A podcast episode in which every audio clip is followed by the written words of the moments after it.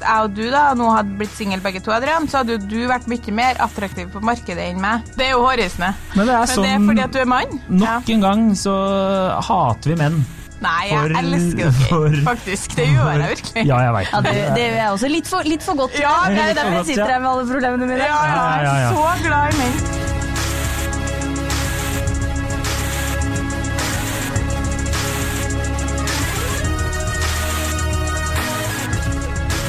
Hei, og velkommen til podkasten Hun vs. Han. Mitt navn er Adrian Mølle Haugan, og med meg i studio har jeg Kjersti Vesteng. Og i dag, Kjersti, har vi jo en eh, gjest. i dag er det stemning. Ja, god stemning. Vi har eh, Pernille.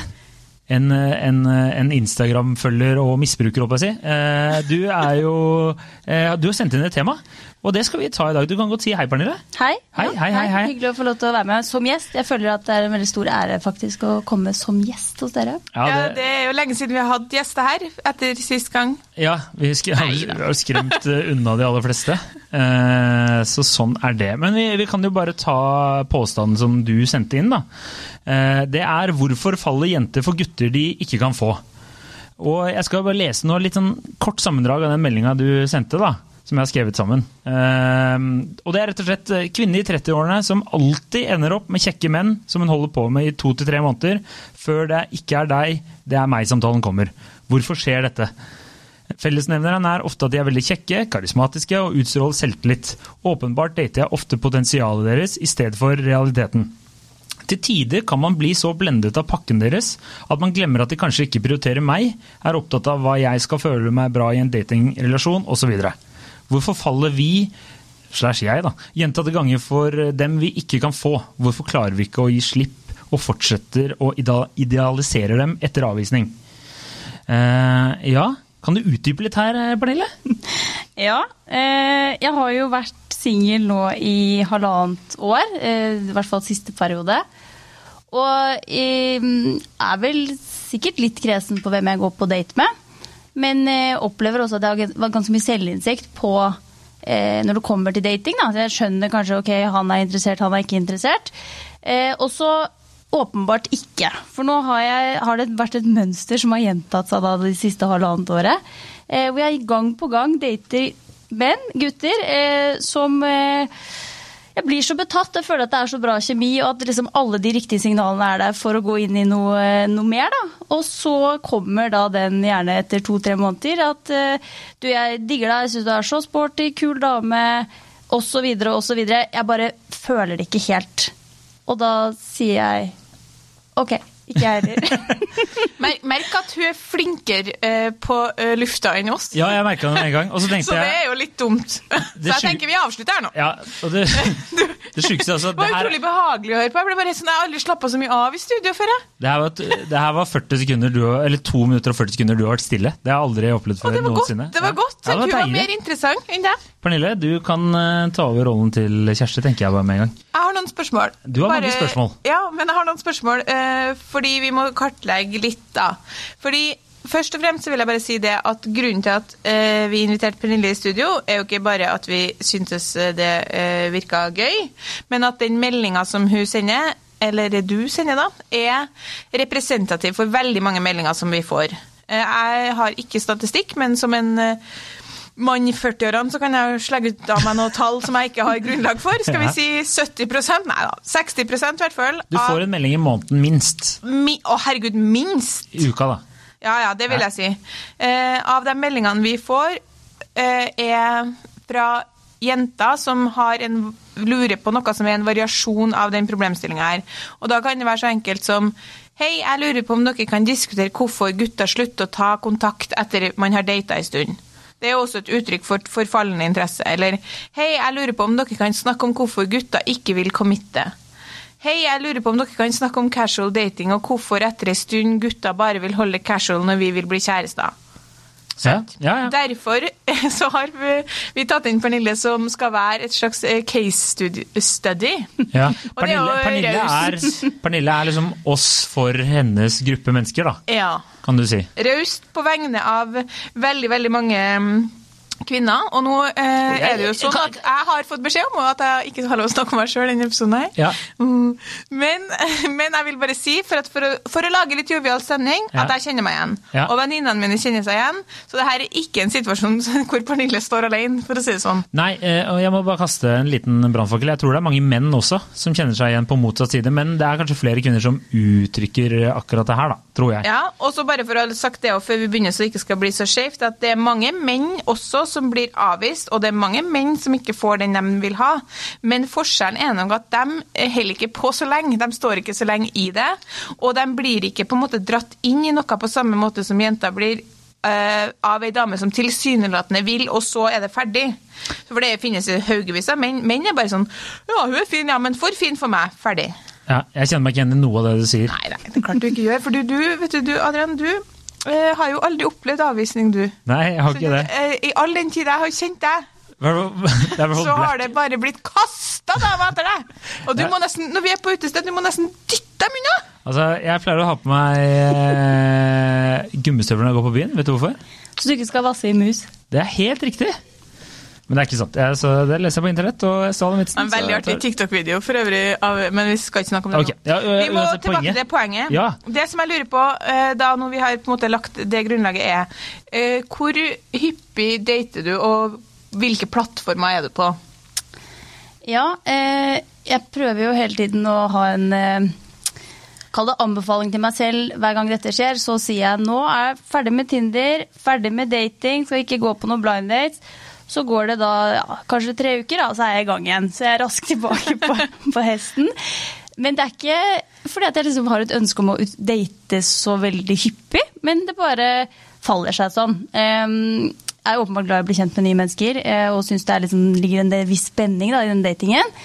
Mm, så kanskje jeg dater sånn ja, da, ja ganske, kan vi kan si ganske hyppig, da. Og du er på Tinder og Happen? Ja, men eh, det er også en sånn også menn. Tinder eh, Jeg er veldig lei av Tinder. Eh, så de kall det kanskje beste datene jeg har vært på i det siste, har vært gjennom venners venner. Hvor jeg har blitt satt opp eh, Ja.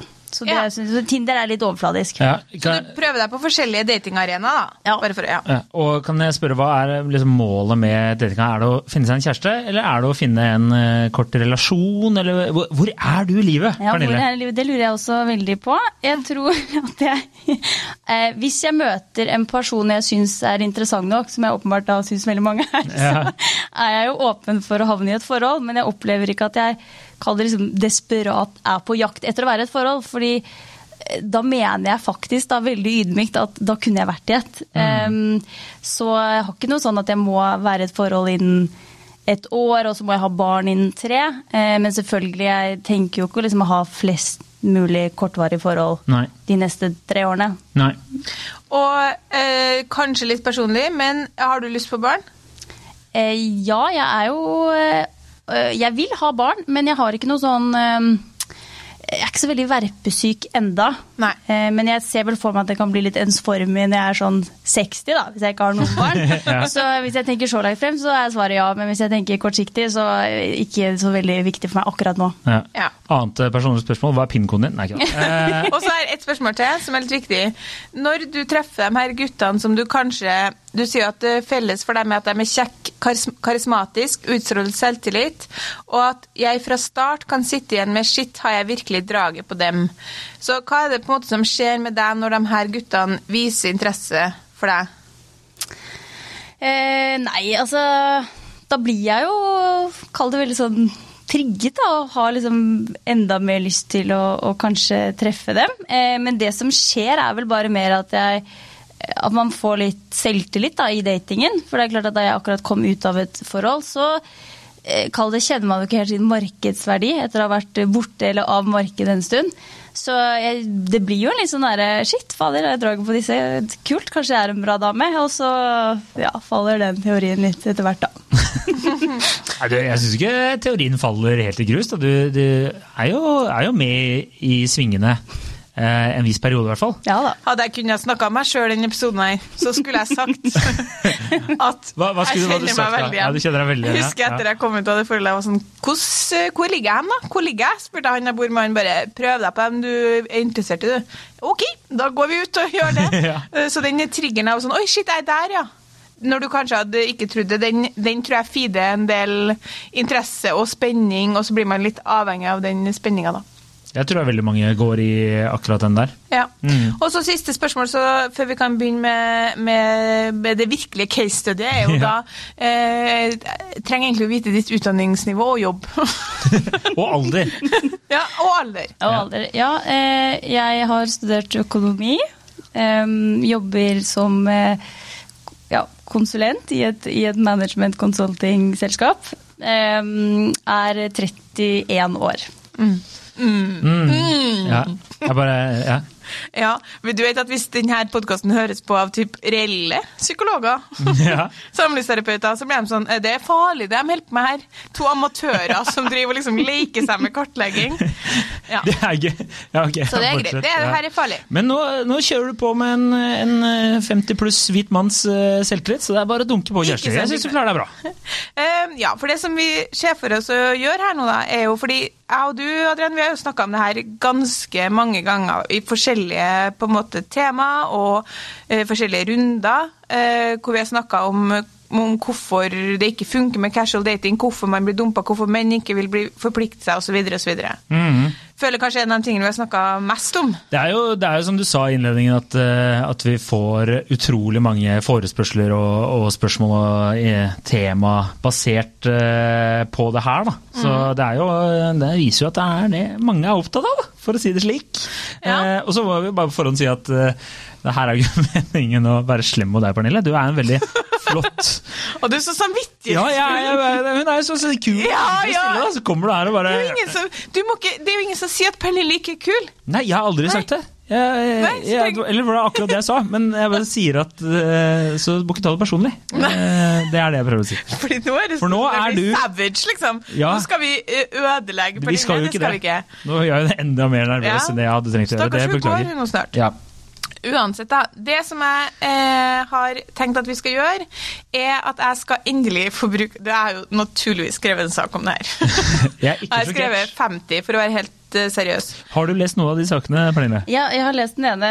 Har du hørt om han som Ja. Nei, jeg ikke et eller annet. Ja, han, Gutten som uh, trodde han var forelska, men så ville han egentlig bare ha sex. Det hadde vært mye morsommere om du hadde sagt nei. Jeg har ikke lest noen av de sakene Kjersti Jeg tenkte jo, Det hadde vært jeg aller sendte jo hun den ba hun om Ja, ok. Ja, men det er juks. Synker litt bedre på forhånd. Ja, jeg tenker det. Altså. Ehm, ja, nei, sånn at Det som vi gjør nå, det er at eh, jeg har gått i, gått i forskningsland og statistikken og atferdsbiologer og psykologer, og har landa på tre på en måte, teorier eller årsaksforløp til hvorfor det her skjer. Da. Hvorfor, hvorfor du opplever å bli avvist igjen og igjen av samme type mann. Eh, ikke samme mann, men samme type. Og så har Adrian snakka med fokusgruppa si, som er menn som i all hovedsak blir avvist sjøl. Menn i sin eh, aller beste alder som blir avvist. Og det kan ha noe med at de ofte sitter og drikker på brune barer i Oslo øst. Mm. Eh, så sånn er det. Men de hadde jo da noen sånne teorier fra et sånt helt uh, Det her tenker vi som gutter at kanskje kan være årsaken, da. Så det er jo Gratulerer til deg. Da Nå kommer faen, De har lurt på i halvannet år. Nå kommer det. Nå kommer det. Nå kommer svaret. Ja, Ja. Nå kommer svaret. Skal jeg starte, eller? Uh, Nei, Nei, du kan starte. Ok, greit. Uh, det tenker jeg ikke at du skal. For da blir det rot. Da Da blir det trøbbel. Så nå er vi forberedt, så vi ble enige om at jeg skulle starte. ikke sant? Ja, ja, ja. Stemmer det. Ok. Eh, teori én, da. Den går på eh, atferdsbiologi. Altså eh, det at vi fortsatt er steinaldermennesker inni oss. Eh, der er det en, eh, en atferdsbiolog som heter Jens Andreas Huseby som har intervjua om det temaet her. Helt spesifikt, det er derfor det er så artig at helt spesifikk problemstilling her tok jeg opp med han og laga en sak om. Eh, Han ble veldig glad for det, for han hadde lenge ønska å snakke om det, faktisk. Så det var stas, stor stas. Det var ikke snikskryt engang, det var bare ren egenskryt. Han eh, sier at ehm, Det finnes en god biologisk forklaring bak at mannens interesse ofte forsvinner. Og selv om det kan virke som om han lurer henne, så er det ikke slik. Han lurer nemlig seg selv også. Og da er det kort fortalt sånn at altså, da er vi tilbake til at menn og kvinner har ulike biologiske utgangspunkt. Han er på ubevisst jakt etter å lage barn, og hun er på ubevisst jakt etter å få barn med noen. Så han har eh, alt å tjene på korttidsforhold, i og med at hans ubevisste plan da, er å spre sæden sin til så mange som han kan få til, så han får så mange avkom som overhodet mulig. Og hun har veldig mye å tape på å bli gravid med en mann som stikker. Så en kvinne er på vakt, tar forbehold og leter etter signaler på at han er såpass interessert at han vil satse. Så første periode i et forhold har, på en måte, har de to ulike mål, ubevisst. Han har et kortvarig sexforhold som mål, han, og da gjør han alt for å overbevise hun om at det, eh, er noe som, det er noe som de kan få til. Og i disse dager så er det ikke sånn ok, han har ligget og er interessen over. Han ønsker å opprettholde denne relasjonen litt, så han kan få litt eh, sex over litt tid.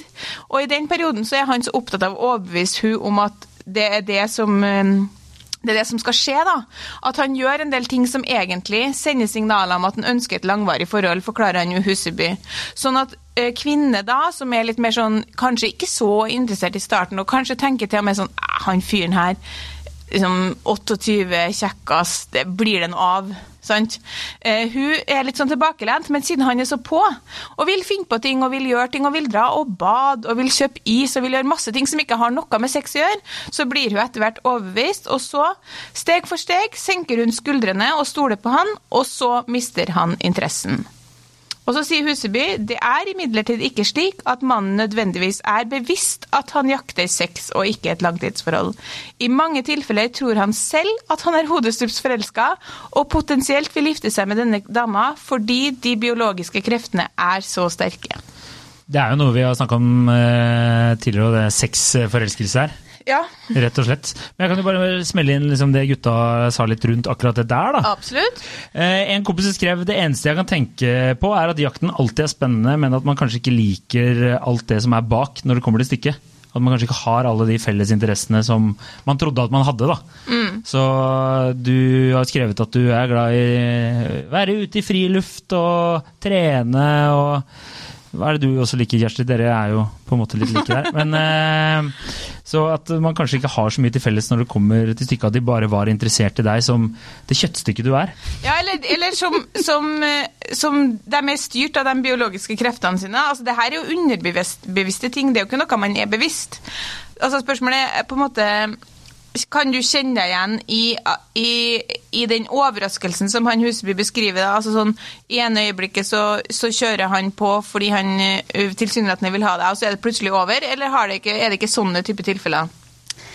Eh, litt blandet kanskje da, blant uh, de det gjelder, men sånn, hovederfaringen er at det kjøres veldig, veldig på i starten, så det vil jeg jo si stemmer.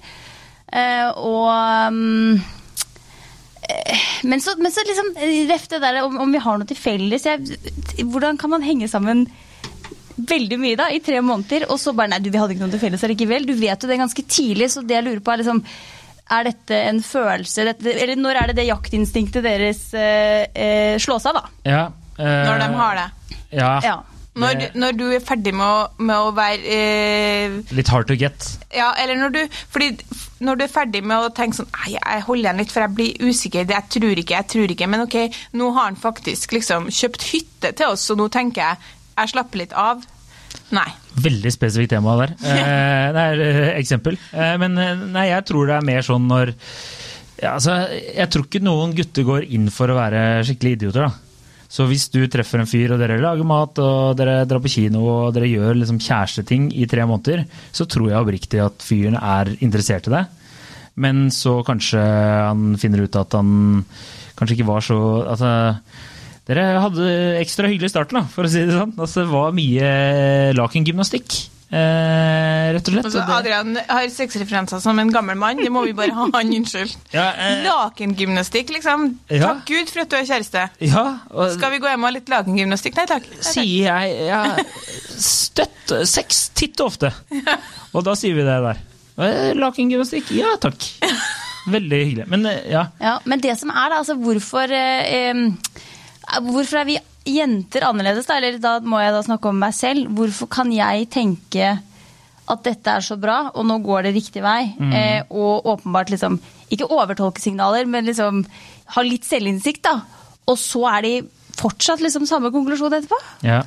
Kjersti, du har en penis, og du kan fortelle. Jeg holder opp eh, hånda her, og jeg kan, eh, fordi det spørsmålet der, altså det er verdt for ikke over de 50 000 ganger vi snakka om det her på en eller annen vinkveld. Hvorfor, eh, hvorfor har de kjørt så voldsomt på, og hvorfor har de eh, på en måte jakta sånn, hvis de ikke har tenkt mer enn to dager frem i tid? Og jeg tror det er mange ting. Da. Jeg tror jo det er eh, annet eh, at eh, menns konsekvensutredning er ikke like god som kvinner sin. Det, det, dere er ikke like flinke til å tenke frem i tid. Altså, Hvor mange menn der ute som nå sitter og tenker på, på, på julegaver til slekta? liksom? Ingen. Hvor mange kvinner er det som gjør det? Alle. Men poenget er at eh, jeg tror at det er mye det han sier. da. De er så drevet av det biologiske på en måte um, instinktet om at jeg skal ha, jeg skal ha. Altså, Jeg tror de guttene her, de er nok, med mindre det er douchebags da, som er ute etter å på en måte bare utnytte, de er nok også fascinert i begynnelsen. Syns det er gøy, syns du er fin, syns det er spennende, artig. Og da er de sånn Å, men jeg vil liksom De, de tenker ikke et år frem i tid. Altså, de, de gjør ikke det. Og så plutselig så kommer det masse sånn øh, Jobber de på, og det som skjer hos kvinner, da, er liksom at hun hun går fra å være avventende og liksom skeptisk, fordi kanskje har man opplevd det der før, til å bli overbevist av alle de her grepene som han gjør, for å overbevise hun om et kortvarig forhold, egentlig. Mens hun da blir overbevist om at ok, det kan kanskje bli noe. Og i det sekundet hun sier, eller signaliserer, ok, men kanskje vi skal se om det her faktisk er noe ordentlig. Nei. Ja. Men jeg er også, jeg er jo også litt spent på med meg selv, da, hvis jeg faktisk hadde fått dem. Om du hadde Hadde, dabba om jeg da også kanskje hadde dabba Det er et eller annet som sier at jeg kanskje også Fordi jeg er jo åpenbart, som du sa innledningsvis, veldig tiltrukket av eh, potensialet, da. Og, Mm. og dyrker kanskje det i større grad enn realiteten. Så det, det håper jeg jo litt, da. At hvis, hvis det hadde gått, men jeg er skeptisk. Ja. Nei, jeg bare tenker at hvis, hvis du dater en fyr, er det sånn i etterkant Tenker du da og, eh, du, har, du skrev jo litt at du altså, høyere tanker om dem enn det de kanskje er. da. Men er det noen gang du ser tilbake og tenker at faen, vi var egentlig ikke en god match? Ja. Skjedd et par ganger. Det har skjedd et par ganger. Ja. Så ja, jeg vet ikke, kanskje du blir, som du skriver, da, blendet av uh, deres sjarm og karisma. Jeg kjenner meg igjen der. Det er jo, det er jo vanskelig Du blir jo å gjerne blenda av din egen sjarm og karisma. Det det er som oftest bare meg Ja. som blir det. Det er derfor jeg går med solbriller. Jeg tror at det, det er noe med at man vil alltid ha det man ikke kan få. Da. Og det som er når man blir sånn brutalt avvist i det punktet der, for det har jeg opplevd sjøl, tre måneder med virkelig sånn eh, tidenes sommer og full fres og bare helt sånn vi eh, Jeg husker at jeg var ikke Den første ukene så var jeg sånn mm, Jeg vet ikke, jeg. Og så blir man overbevist, for hvorfor man, skal man ikke bli det når efforten er så enorm? Og så når det da blir ferdig, så får du ikke muligheten til å finne ut av om det kunne vært noe. Så du blir på en måte bare snytt, for du blir tatt på toppen av din på en måte forelskelse, da, på en måte. Da er det plutselig ferdig. Når du har liksom senka garden fullstendig og sluppet denne personen inn, og så er det liksom OK, det er over. Da blir du sittende igjen og idealisere denne personen noe voldsomt. Og så vet man ikke, sant. Kunne man ha egentlig fortsatt og så innsett at nei, men det her var ikke noe? Det får du aldri vite. Det får jeg aldri vite. Nei. Men jeg, jeg tror nok mange ja, Unnskyld, Pernille. Skulle Nei? Nei, jeg skulle, jeg skulle bare si det, og der tror jeg kanskje jente, det forskjell på menn og kvinner. Da. Det er bare en hypotese at mens mennene er kanskje eh, Fordi dere ikke tenker så langt da, og er veldig realistiske, så er det kjipt å bli avvist, eh, men så aksepterer man det. Mens vi jenter kanskje fortsetter litt sånn Ja, men åh, åh, men han var jo så bra. Han, hadde- åh, tenk hvis det kunne vært. Og så istedenfor å bare sette en, en strek Veldig over det, godt da. poeng. Veldig godt poeng. Og ikke bare, altså Vi har tenkt så langt fram i tid at vi må på en måte drepe noen noe framtidsdrømmer som menn ikke har rukket å lage seg. Jeg tenker nok at mange menn lever mest i nuet. Ja. Altså de Ja. ja, At de, de eh, nyter tiden som er eh, der og da, og ikke driver og eh, legger bryllupsplaner etter to måneder.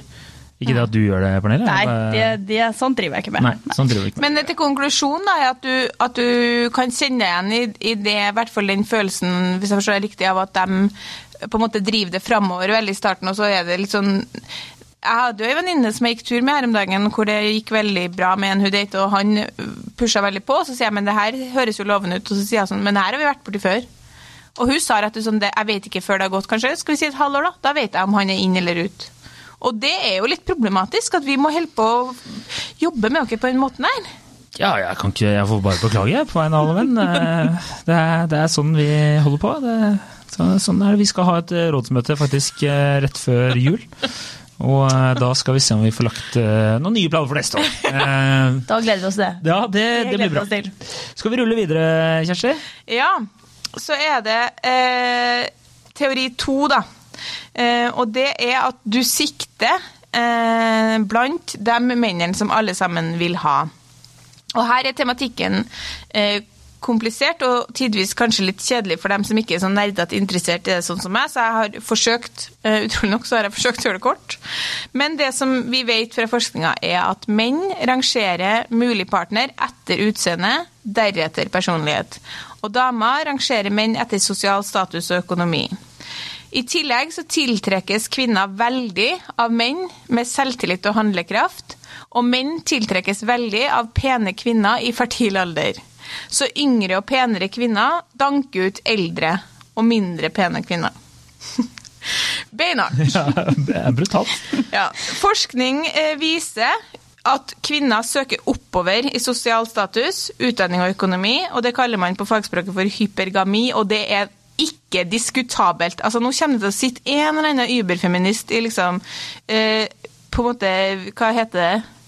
Et eller annet sted av Oslo hvor eh, alle stemmer rødt, og si at nei, det er ikke sånn. Jeg faktisk kjenner en legevenninne som er sammen med en snekker. Ok, gratulerer, da er det et unntak. Fordi det her er liksom helt sykt statistisk bevist. Uh, hun ene sosialantropologen i det ekspertpanelet Gift ved første blikk, hun sa til meg hvis dama eier en leilighet og tjener så og så mye, så må jeg matche henne med en fyr som er minst på samme nivå eller høyere. Så finnes det jo ulik kapital. Hvis han ikke har leilighet, f.eks., har han kanskje hytte eller bil, eller en kjendisfaktor. Så vet vi at den gruppa med ufrivillig barnløse menn, den vokser. Og det her er fordi at flere og flere kvinner tar høyere utdanning, og de søker oppover. Og der er det færre og færre menn, fordi det er flere damer som tar høyere utdanning enn menn. Eh, og kvinner er ikke interessert i å søke nedover, så da etterlater vi en liten, ei lita gruppe med menn som er veldig ettertrakta, som veldig mange vil ha. Og det er de mennene som har høy utdanning, god jobb, eh, masse penger, fin leilighet, fin bil, hytte. Og hvis de i tillegg er fotballspillere, så er det liksom å, altså Det er så vanskelig, da. Men de vil jo sånne damer som deg, uten at jeg kjenner deg godt, at de vil eh, sånne damer ha. Sånne damer som har vært borti, som du sier, da. Og har sjans på noen som du syns er veldig sånn triggende å ha sjans på. Du, har, du har hatt sjans på veldig kjekke, karismatiske menn som mange vil ha, og da, da slutter ikke den spenninga på en måte, den slutter, den slutter ikke du å ønske, da, tenker jeg. Ok. De beste mennene er ettertrakta, altså de mennene som du dater. Kjekke, handlekraft, kjekke handlekraftige menn med selvtillit, med god jobb, høy utdanning og penger eller en annen sosial status. Og de her mennene kan velge fra øverste hylle, og det gjør de. Og de kan velge i et aldersspenn på 15 år. Og så kan de vente lenge med å få barn. Så terskelen for dem for å committe, den blir jo skyhøy. Ja. Altså, den føler jeg er veldig treffende. Da.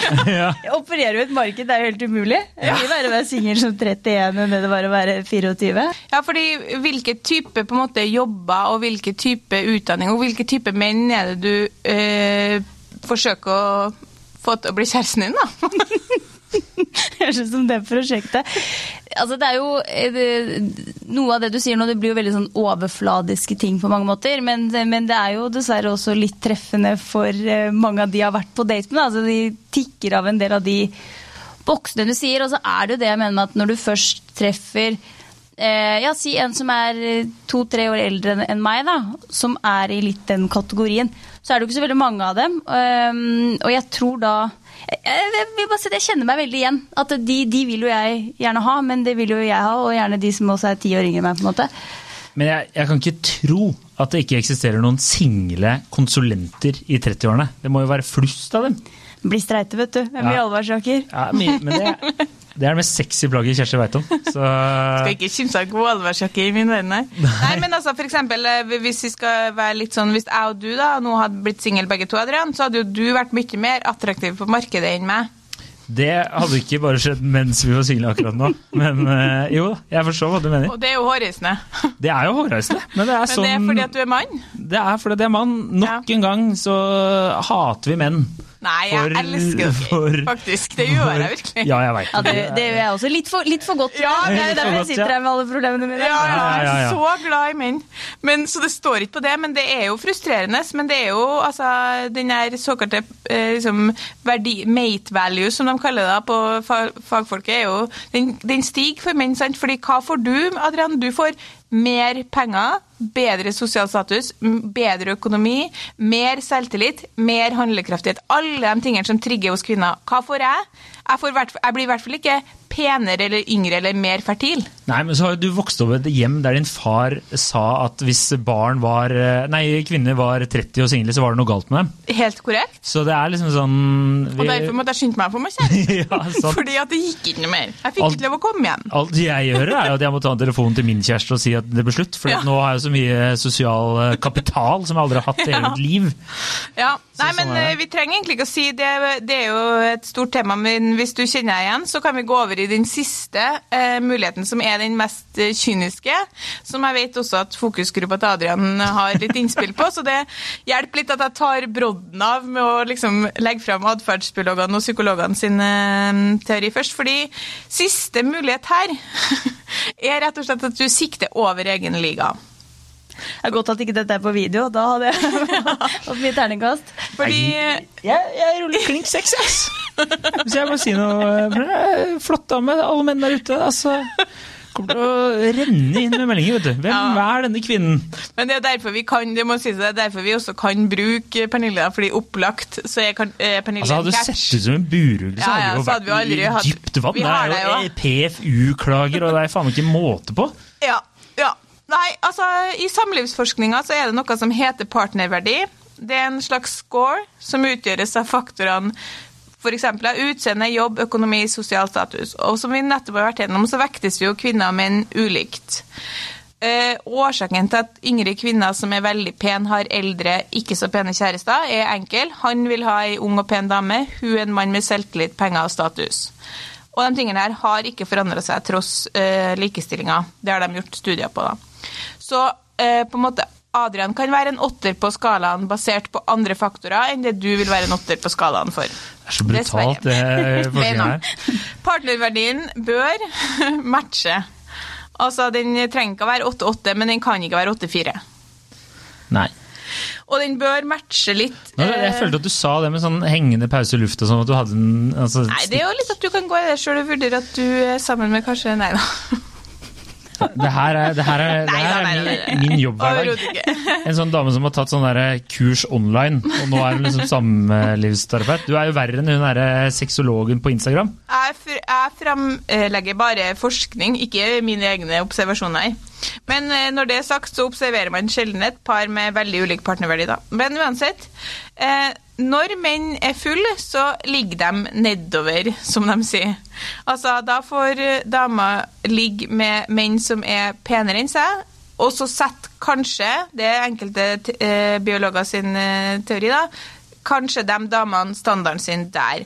Og da, for å gjøre livet lettere for oss alle, så siterer vi bare NTNU-psykolog Leif Edvard Ottesen Kenner, shout-out til deg.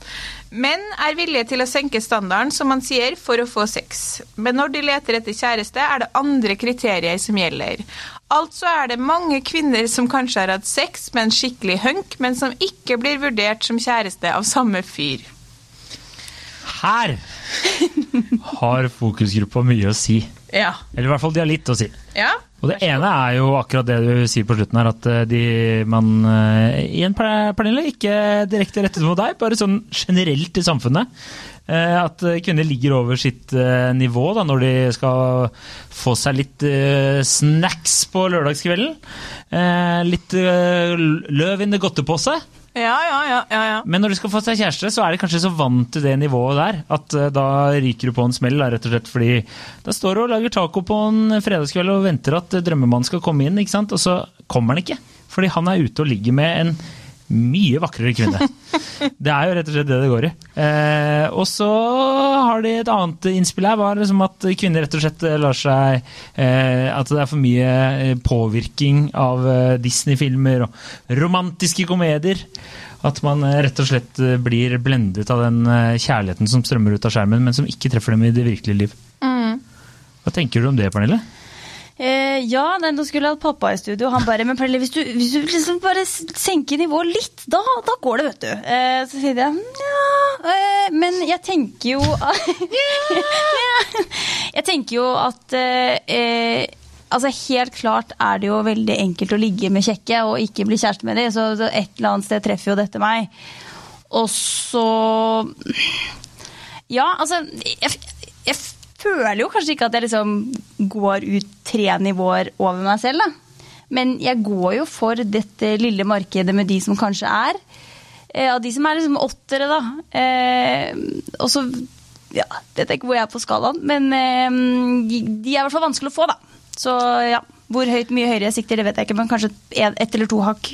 Ut ifra det, det, som du har fortalt ut om de relasjonene dine, så tror jeg jo vi kan si at kanskje det teori to som, som, passer best her. fordi hvis Det er godt mulig du har ligget oppover. Det har nå jeg i hvert fall gjort. Det har vi aldri rundt dette bordet, for å si det slik. Uh, og, og, men jeg var som deg, da, relativt realistisk. Og det opplever jeg at venninnene mine er. Og så passer det 30, så begynner du å bli realistisk. Så jeg har flere venninner som har sagt ja, ja, jeg lå med han, ja, men herregud, jeg får jo ikke han, da. Og det liksom er blitt en sånn ting som man kan si og, og være enig i. Men du forteller jo om relasjoner hvor du har data over tid. Det er jo snakk om noen måneder her, så da tror jeg ikke det er det at de i utgangspunktet eh, på en måte er langt over din liga sånn sett, men det er vel heller at de kanskje er dem blant den gruppa som veldig mange vil ha, og så blir du, og det er jo like kynisk, det på en måte eh, danka ut. Kort og Takk, takk, takk for deg. hva, og hva tenker du om det, Pernille? Svaret jeg har ventet på. Nå kom det i klartekst. Ja, men det er jo det jeg mener. Altså, jeg, igjen, da, jeg tror det er mye lettere å være eh, på, på, min alder og mann enn en kvinne, rett og slett oh, ja. fordi um, det er tøff konkurranse, da der ja, ute. Det er jo det. Ja.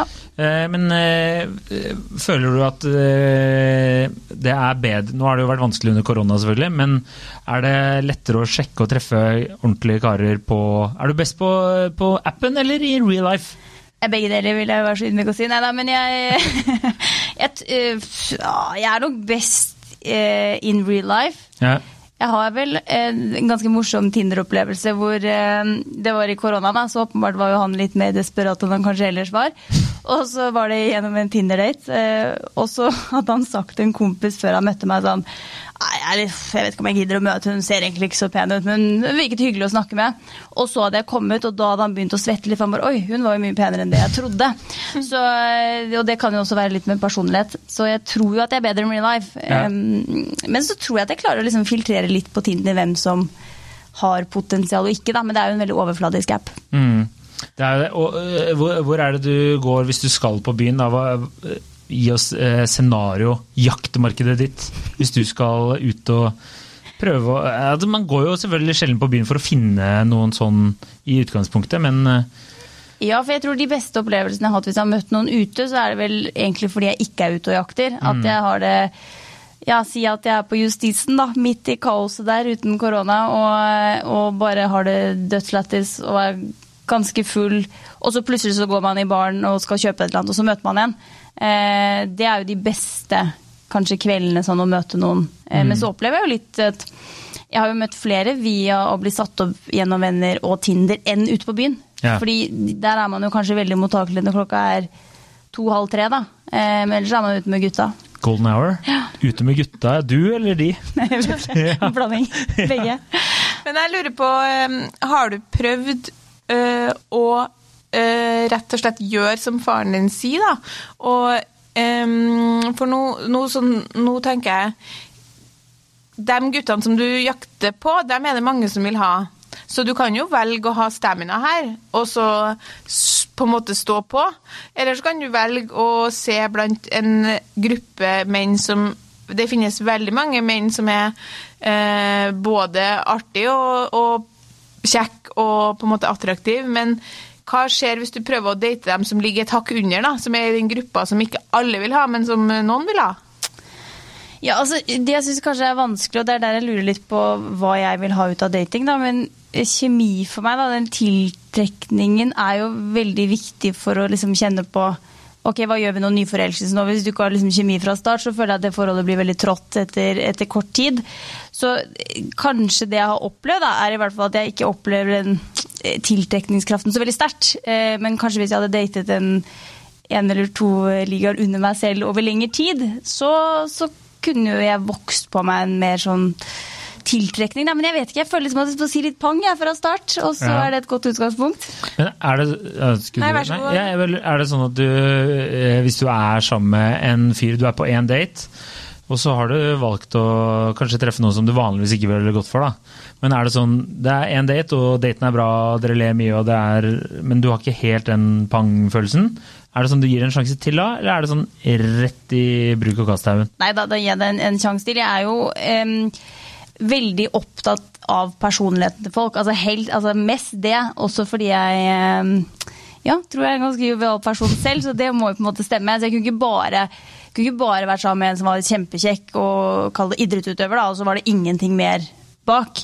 Så, så absolutt ville jeg gitt det en eller to dates til. Mm. Um, men, det er, men det er litt det som er problemet. Tox. Jeg blir jo veldig fort betatt. Og så jeg opplever at veldig mange at jeg har hatt veldig god treffprosent da, blant de jeg har datet, opp mot de jeg faktisk har blitt ganske interessert i fra start. Mm. Så det er jo noen sånn, som har blitt eh, litt danka på veien av meg, men det er jo flere som jeg har blitt uh, dump eller avvist av. da. Ja. Men jeg tror at eh, den, den spenninga som du opplever i starten her, eh, av å liksom bli eh, Av å treffe noen som du syns i utgangspunktet er spennende og kjekk og litt sånn mm, Du er jo sånn det lille Nå har vi kjent Pernille er det en times tid? Ja, cirka. Eh, Ta med litt meldinger, så er det La oss si en og en halv time, da. Ja, og du er jo veldig Virket å være veldig trygg på deg sjøl og selvsikker og, og avslappa i den personen du er. Sånn at eh, det skal nok litt til å vekke kanskje den sånn um, Jeg vil ikke tro du blir umiddelbart smigra bare for at noen syns du er litt fin. Det må på en måte litt mer til. Sant? Det må opp et hakk for at du skal synes det er spennende og gøy. Og da eh, må det vel kanskje være en liten sånn jaktbit for din del òg, da. Og det blir det jo hvis du jakter på de guttene som, som alle vil ha. Og herregud, noen må jo få dem. Så det er jo, ikke sånn at, det er jo virkelig ikke sånn at du ikke kan få en av dem. Men, Håpet er ikke ute, Pernille. men det er bare det at det blir noen avvisninger på veien. Ja, eh, og så er det jo to typer av de man eh, har jaktet på. Så noen av de er jo veldig sånn Nei, de vil faktisk ikke i et forhold. Og så ser jeg på en måte at de fortsatt er single etter et år, og da tror jeg jo veldig på det. Men så har du de som bare nei, du er ikke helt klar for å gå inn i et forhold, og så har det gått halvannen måned, og så er du jo nesten inn i Ja. et nytt. Så det er jo to litt ulike varianter av det også. Men um... Jeg vil jo si at de guttene som du har, øh, som du har øh, data de siste årene, som, øh, som du har blitt avvist av Uff. Er det douchebags, eller er det hyggelige folk?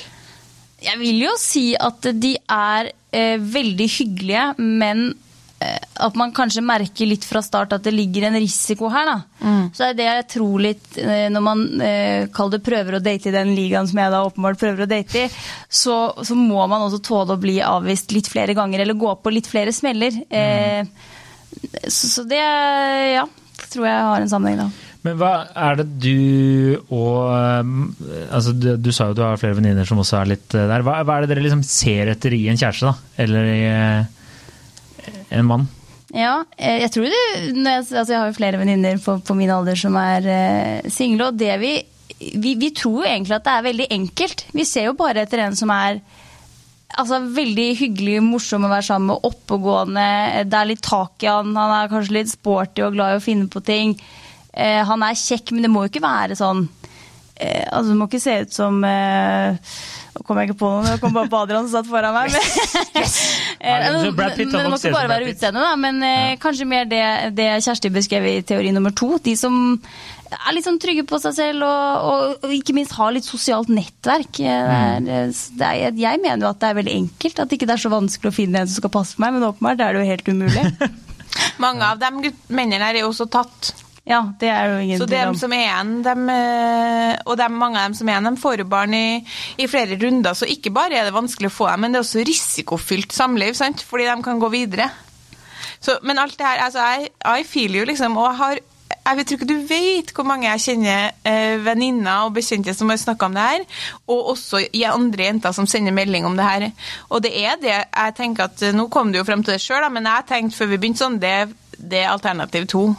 Garantert, liksom. For jeg tror ikke at du Fordi eh, atferdsbiologene og psykologene Jeg har to sitat her fra to forskjellige som sier det smarteste er å gjøre en realistisk vurdering av seg selv for å lete etter andre på eh, samme nivå, sier han eh, fra NTNU. Han Huseby sier hvis du som kvinne er ute etter å finne en kjæreste, så gjelder det bare å være realistisk når du leter. Jeg tror ikke at problemet ditt og veldig mange av de andre jentene er at du nødvendigvis ikke er realistisk. At du sitter og leter, fordi da hadde ikke du fått napp. Fordi det hadde du aldri data dem i tre måneder. Jeg tror at du akkurat er innom innafor den grensa hvor de guttene er interessert og ser ja, hun er sykt bra dame, kul, eh, fin, vi har det bra sammen, vi dater litt. Men når de har så mange å velge i, og de kan vente fem til ti år til før de får barn, så blir terskelen deres for å committe veldig eh, høy. Og når de i tillegg da i starten er i modus skal eh, lar seg styre av biologiske instinkt for å få en kortvarig relasjon, og bryte ned på en måte ditt forsvar, da, så blir det etter hvert en litt sånn ugrei situasjon hvor du er sånn OK, men nå er jeg faktisk overbevist, for han har vist meg så mange ganger at han er interessert. Og i det sekundet du da er sånn Å ja, men jeg, nå er jeg keen. Da tenker jeg sånn Oi, fuck, fuck, fuck, fuck, nå må jeg committe. Ja, det er ikke jeg klar for, fordi jeg har jo en del andre potensielt interesserte også. Og eh, det er litt tidlig. Nei, det er ikke tidlig, mann 37. Det er på tide. Men noen ganger så vil mann 37 bare utnytte det han fikk da han ble mann 35. Ikke Ja, sant? og can you blame him? Det er noe der Nei, også. altså jeg, jeg, jeg slår slag for alle gutta her. ass. Det er bare å slå seg løs. Adrian ble sånn Faen, jeg visste ikke at jeg hadde så høy status. Jeg må, helvete, må jeg må gå hjem og ja, ta en telefon etter den sendinga er over. Ja. Nei, men eh, jeg, jeg tenker jo at eh, Hva skal jeg si eh, Jeg blir jo litt irritert noen ganger, da. Med når noen Jeg har venninner som kanskje klager litt på det samme som du gjør. Og så er det jo ofte at de har dratt med en eller annen fyr vi har tatt en eller annen pils, eller noe sånt, og så har alle syntes han var en jævla fet fyr. og sånne ting. Han var kanskje ikke akkurat eh, Han hadde kanskje ikke et statusyrke eller annet sånt. Og så er det de som har avvist han, og da tenker i hvert fall andre menn bare ja, ok, ja, det var kjipt for deg, for vi kan fortelle at han var en jævla bra kar. Og så eh, kan du egentlig bare takke deg sjæl, da. Det er egentlig det vi prøver å si.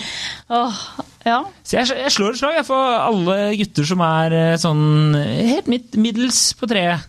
Men jeg slår et slag for at ikke du får den kjemien med dem. Skjønner du? Det som er problemet. Har jo men hva hatt faen, altså, den Jo, kjemien men- forsvinner etter hvert år. Nei, men den gjør ikke det. Jo, den gjør det, vet du. Det Nei, er til altså, slutt det er så sitter du her jeg aleine i hvert det deres er rom på julaften og har ikke noe å snakke om! Det er en av vår tids mest utfordrende problemstillinger her, fordi at det er så mange, etter hvert kjenner det til å være så mange damer i den kategorien her av eh, høy utdanning og høy sosial kapital. Sant? Du blir jo artig av å ha reist mye og ha masse venner. Du har masse å komme med, du har masse Fordi spørsmålet er jo sånn, så kommer det en jævlig ålreit snekker da fra eh, et eller annet sted utenfor Oslo som Ål. Ål? Ja, jeg vet ikke, jeg bare, det, var, det var bare det jeg kom på. Og, vil liksom, og er opplagt en sykt fin fyr. Men du skal jo også eh, ha lyst på han. Og hvis han er litt sånn forsiktig kar, eh, og så kommer det en eh, typ liksom eh, Ja, men nå snakker ikke jeg om folk som er forsiktige karer. Nå snakker jeg om liksom, de, hadde, de har liksom hele pakka, utenom at de kanskje ikke er sånn De er ikke helt eh, din liga, på en måte. da. Ikke Men jeg tror er, på alle på Tinder, da, hvis du skulle sett da min Tinder-profil nå, mitt utvalg Mm. eh, ikke sant? Alle, 70 er skalla, eh, 30% er under 1,70. Altså det er jeg, jeg kan godt gå opp på det. Kanskje det jeg skal gjøre. Da. Ta, vi kjører en case study Ja. på det. Jeg bare gønner på med ti stykker som står i baris på badet og tar bilde av bare sixpacken. Det er, det, det, de er vanskelig å finne, de du prøver å eh, fronte nå også, Adrian. Ok, ja, kanskje. Jeg Men, vet ikke. men la meg fortelle en historie om ikke Gjerne. meg Vi har ikke snakka om noe om deg, Kjersti. nei, men ikke om meg sjøl. Det er om å anonymifisere noe helt voldsomt her, da. Men vi kaller hun for Hanne. Ja. Hanne var lenge sammen med en eh, litt grann metroseksuell, men pen eh, mann. Eh, som eh, var arkitekt og veldig sånn, hadde mye for seg. Kjekk, artig, veldig utadvendt type. Eh, det fungerte ikke så bra, ble slutt av forskjellige grunner. Uansett. Etter det har Hanne hatt en sånn tanke om at hun skal være sammen med en sånn musikertype, liksom. En sånn kul, kanskje litt trenger ikke å være sånn, sånn som alle nødvendigvis tenker er liksom superkjekk, men en sånn attraktiv fyr som er litt sånn, ja, i hvert fall veldig kul, da. Kul type. Veldig mange av dem har spilt i band, f.eks. Ender på samme vis hver eneste gang. Ender med dating. Eh, hun er mediuminteressert, han er veldig på. Det går framover. Eh, han vil ikke noe mer. Samme samtalen. Dritbra dame, herregud, du er så bra, du fortjener egentlig noen som virkelig vil ha deg, bare date meg. Og så treffer Hanne Vi kaller han Jon. okay, Ja. Eh, Jon og Hanne møtes på Tinder. Eh, hun er ikke nevneverdig interessert. Han, eh, han er ikke sånn veldig attraktiv, sier hun. Helt ok. Men de hadde en veldig hyggelig første date. Så sender han en melding til meg og sier ja, nå vil Jon møtes igjen. Jeg vet ikke, jeg. Og så sier jeg ta oss og gjør det. jeg kan, nå skal du gjøre? det. Det er korona. Du er 33. Eh, liksom, prøv noe nytt nå. for Du det har her- ikke livet foran deg. Nei, men det her funker ikke. sant? Den musikertypen funker ikke. Og så sier hun til meg men han er liksom ikke sånn veldig kul. Og så sa jeg, og shouta til deg, Hanne, som nå selvfølgelig kommer til å skjønne hvem det er snakker om, men jeg sa eh, Men er du så sykt kul, liksom? Du er veldig mye, men er du så sykt kul? Og hun bare sånn, nei, ok, gått på en date, hadde det kjempehyggelig, kjent at liksom skuldrene senka seg, og hun bare sånn, ok, du er faktisk en sjukt fin fyr. Allværsjakke, nærmest T-skjorta i buksa, går oppover Grünerløkka og sier ting som det er godt å komme seg ut. Sant? Det er den typen her. Veldig fin fyr, da. Så går det noe date, og de fortsetter å date, og hun tar det egentlig helt med ro, for hun, fordi det er avslappende og det er deilig. Og så blir hun kjempeforelska, liksom. Mm. Og det er ikke å settle, altså. Jeg kjenner hun kjempegodt. men- Hun settler ikke i hele tatt. Han bare Og så Det sier er jeg jo akkurat det jeg sier, at eh, den der kjemipakka det kan jo komme etter hvert. Ja, men poenget er at hun sa til meg sånn, men tror du det er pga. korona og litt sånn, og er det litt dumt? Så sa jeg sånn, altså nå har timinga vært imot oss i, i 15 år, så la oss nå bare være glad for at den er litt med oss. Altså det er nok ikke sånn at Hanne hadde blitt sammen med Jon for fem år siden. Det tror jeg ikke. Men nå er kriteriene litt annerledes, da. Og det er på ingen som helst måte som at hun har sett settla, altså. Og dessuten så er han kjempesøt. Det er bare at hun har en forventning om at han skulle se sånn og sånn ut. Mest for hennes del var det mer en sånn vibe. Hun skulle ha en sånn kul vibe, liksom. Eh, og jeg bare tenker at det der er ikke noe man kan tvinge fram. Jeg kan ikke tvinge deg til å ha den opplevelsen her, men jeg ser flere og flere og flere jenter, flere og flere venninner, som har akkurat den opplevelsen. Ja, der ser du. Der ser Kul jeg. vibe, Pernille. Ja, nå skal, jeg, nå skal jeg prøve noe nytt. da. Det er vel egentlig det vi konkluderer med. her, er Ja, jeg tenker at Uh, altså, jeg, Og det er jævlig godt å komme seg ut! Ja, det er godt å komme seg ut. Skal ikke se bort ifra det, altså. Men jeg, jeg tenker at det er du, du har uh, Det er litt som du sier nå, at du har en gyllen anledning til å kjøre litt bruk og kast, da. Altså, er, du har ikke noe annet å gjøre, liksom. Du, det er Netflix. Skal du runde Netflix? Ja. Ja, Jeg tror- ja, jeg gjør heller det. i stedet. heller det. Ja. Men jeg tror, og det er så sørgelig om å si, men jeg tror dessverre at akkurat Pernille sin situasjon, den er litt vanskeligere enn Hanne sin, fordi Hanne ble ikke så trigga av spenninga. Hun hadde mer et bilde av personen hun skulle ha, mens den spenninga som du søker, som jeg er helt overbevist om at det er trigger for følelser, den må du finne en annen måte å, um, å bli trigga, og der må du dessverre til noen som faktisk har kompetanse. Ja, men eh, kjemi Jeg er enig i at liksom, det må jo sitte fra stund én, det er jeg enig i. Men eh, at du kan få den forelskelsesfølelsen mer og mer etter hvert, det, det tror jeg. Ja, har du opplevd det, da? Nei, men jeg tror du kan eh, Jeg er rimelig sikker på at du kan det. Nei, altså alle, altså jeg har jo, alle kvinner jeg har hatt en eh, hva skal jeg si, lengre relasjon med, har jo hatt et eh, repertoar. Altså en, en eller annen sånn greie, på en måte. Altså, du kan ikke sette fingeren på det, men du Sånn som med min kjæreste nå, da, vi, vi ler veldig mye som oftest av meg. Men det er, det er ekstremt mye humor og en, bare en kjemi der, da. Og den klarer du ikke å gjenskape med alle. Så jeg, jeg skjønner jo hva du mener der, men jeg bare tror mange kvinner spesielt, da, som du sier, for at de trekker opp alle disse med statusyrker, og dere er mer underbevisst på det der, da. At dere lar veldig mange bra karer forsvinne fordi de kanskje ikke oppfyller alle boksene. Der Og- Noen ganger Adrian, så har du noen breakthroughs som er liksom helt legendarisk. Fordi der er vi inne på noe. Det var kjempe- Ikke, ikke slutt å, å ikke slutt å ikke fire på kravene når det gjelder spenninger, men kan du lete i andre sirkler? Ja, det er godt eh, Det, det har jeg hørt fra flere også, så Ja. det er kanskje dit jeg må gå. Jeg tenker at nå skal du finne den største taperen på jobben, og så bare spør du har du noen single kompiser som jeg kan gå på date med. Helst skal de være litt småchubby, være skalla.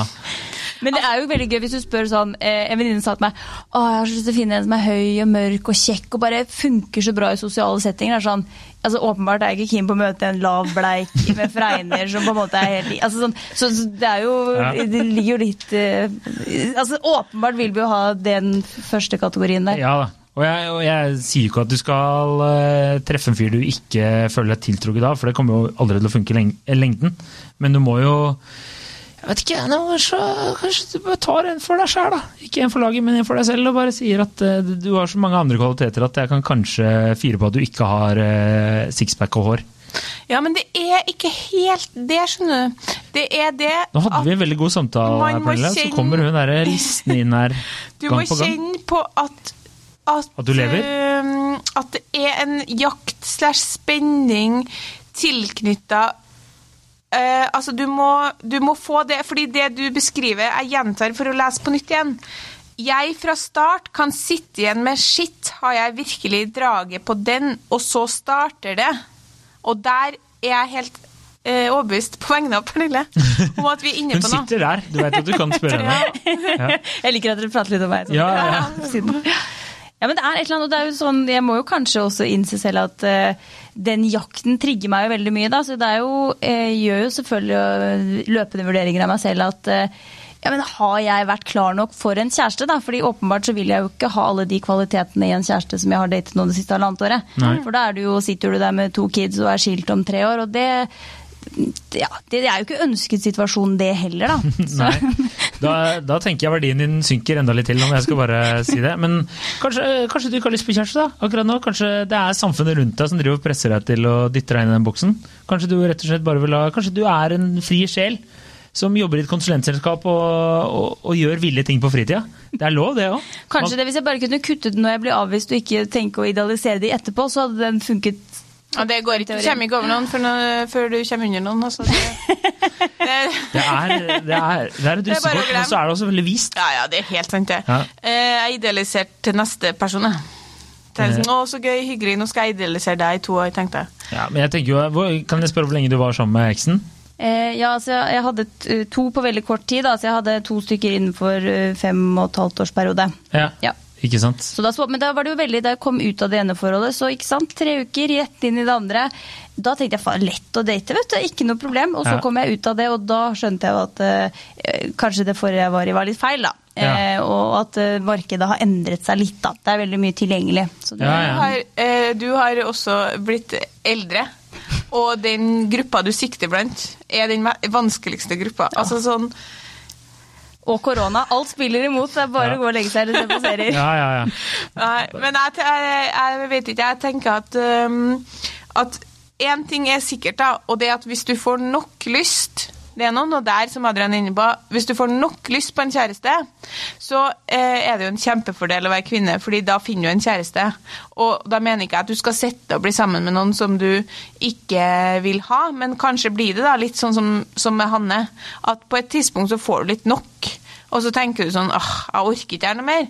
Det er ikke noe gøy, og så kommer det noen inn fra sida som er veldig interessert, og som du på en måte åpner litt for, og så blir du forelska i den personen. Og den personen er det ikke sikkert at du blir forelska i i dag. For hvis du bare har vært singel i ett og et halvt år, det er ikke så lenge, ass. Eh, Må opp i fem-seks år før du begynner å dra på, liksom. ja, jeg, jeg, jeg er jo ikke singel så lenge. Så Du singel et kvart år, du. Ja, ja, herregud, tre uker. Det er jo, det er jo det er to år! Jeg var singel i fire år. Fire-fem år, vet Ja, det er jo forståelig. Men uh, uh, vi må nesten ta runde av her. Ja.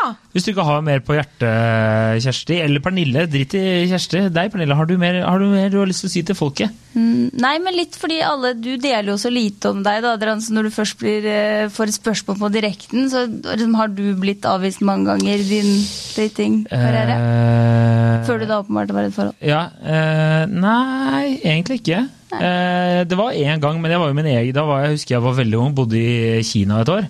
Og, eh, og så traff jeg en eh, ekstremt eh, vakker amerikaner eh, i en eh, jakkekø på et utested. Det er en lang historie, faktisk. Jeg, kan korte den litt ned. Og Så var vi på noen dates, og det var veldig hyggelig. Og så skulle hun til Bangkok, der jeg har vært titt og ofte.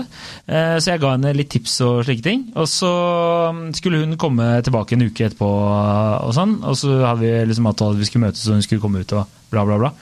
Og da eh, dukka hun aldri opp. Og så ble jeg ganske beruset og ganske eh, sint. Så jeg sendte en litt sånn Jeg syns det var jævla Ikke en sånn derre jævla hore, men bare sånn Jeg trodde vi hadde en avtale, og jeg likte det skikkelig godt og syntes det var skikkelig trist og bla, bla, bla. Og, og så Det her var jo før eh, man hadde Facebook og alt sånt her. Og så dagen etterpå så får jeg en melding av henne, tydeligvis før hun har sett alle de andre meldingene jeg har sendt. da.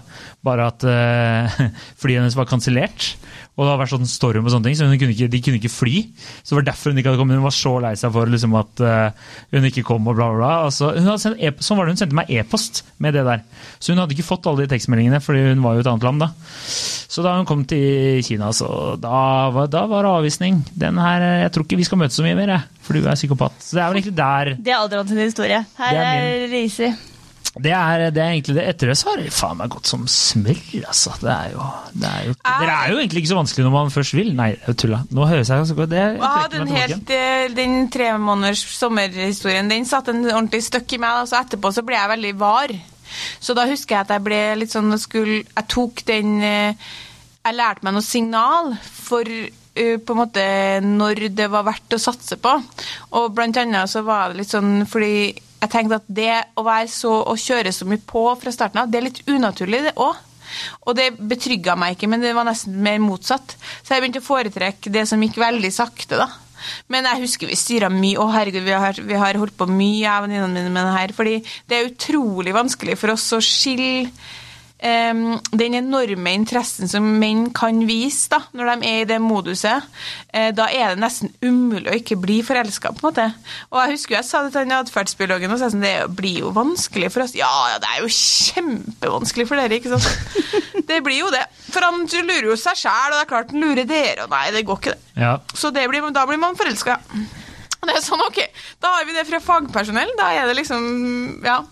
Så jeg tror at øh, enten så Min dom, min øh, hva heter det, spådom ja. her, som vi jo nå da vil ha på lufta, er at enten så får du en av de guttene som du jakter på, i, i den ligaen som alle sammen vil ha, eller så går det noen år, og så blir du lei, og så får du en litt sånn opplevelse som Hanne.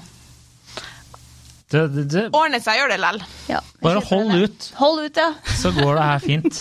Høres ut som tidenes mest desperate dame. Hold ut! Ordner seg. ja, ok. okay. Takk, det, Pernille. Eh, tusen hjertelig takk for at du gadd å stille. Ja, tusen hjertelig takk. Det har vært eh, interessant for oss. Ja, absolutt. Eh, håper noen andre også der ute har fått litt eh, svar, da. Ja, håper at eh, flere av dem som har sendt inn, har funnet noe svar i, i her litt sånn grundige case-studiet. Ja. Og eh, ja, prøv å se jakte spenning i litt andre miljø. Ikke kanskje dem eh, Kanskje kan du fyre litt på høy utdanning og lønn mot uh, en annen form for spenning, sant? Ja. Men å si at man liksom skal bare ta til takke med han der en som Det har jeg eh, aldri sagt. Det blir ikke noe av oss. Det er ikke det jeg har sagt. Du fortjener en flott mann, du. Ja, det høres ut som pappa. Nei, men Det er veldig gøy å være med, og jeg er blitt uh... Har du nummeret til faren din? Det er det jeg lurer på. Det skal du få. Nå har jeg fått fasiten, i hvert fall. Men fedre er jo for å bare grunne, fedre er jo helt nydelige. Altså, det var ei venninne som har eh, Det skal vi ikke gå i detalj på i det hele tatt, men hun har blitt avvist på en ganske sånn brutal måte, da.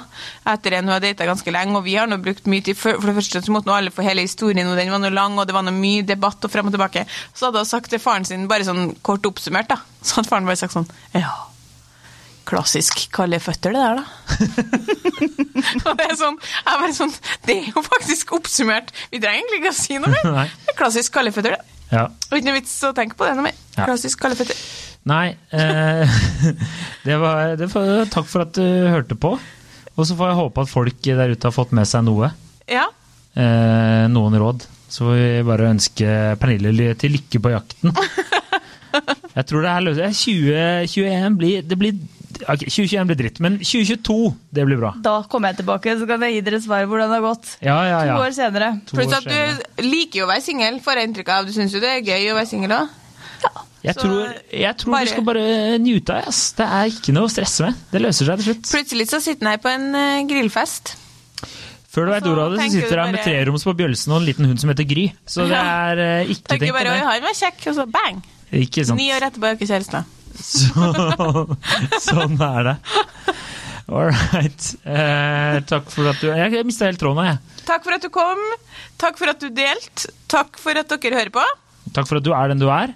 Og følg oss på Instagram og lik oss på Facebook. Og hvis noen skulle ha interesse av å vite mer om Pernille, så kan dere sende oss en melding, skal vi filtrere dem ut. Eh, ja, det kan vi også gjøre. Ikke creepy menn. Nei, det er ikke noe hyggelig. Og jeg er veldig Nei. spent på responsen. Jeg, jeg, jeg tror det kommer mer enn det. Ah, Internett er et mørkt, mørkt sted. Ok, yes, nei, men vi er ferdige nå. nå Takk for laget. Yes. Ha det bra! Hei.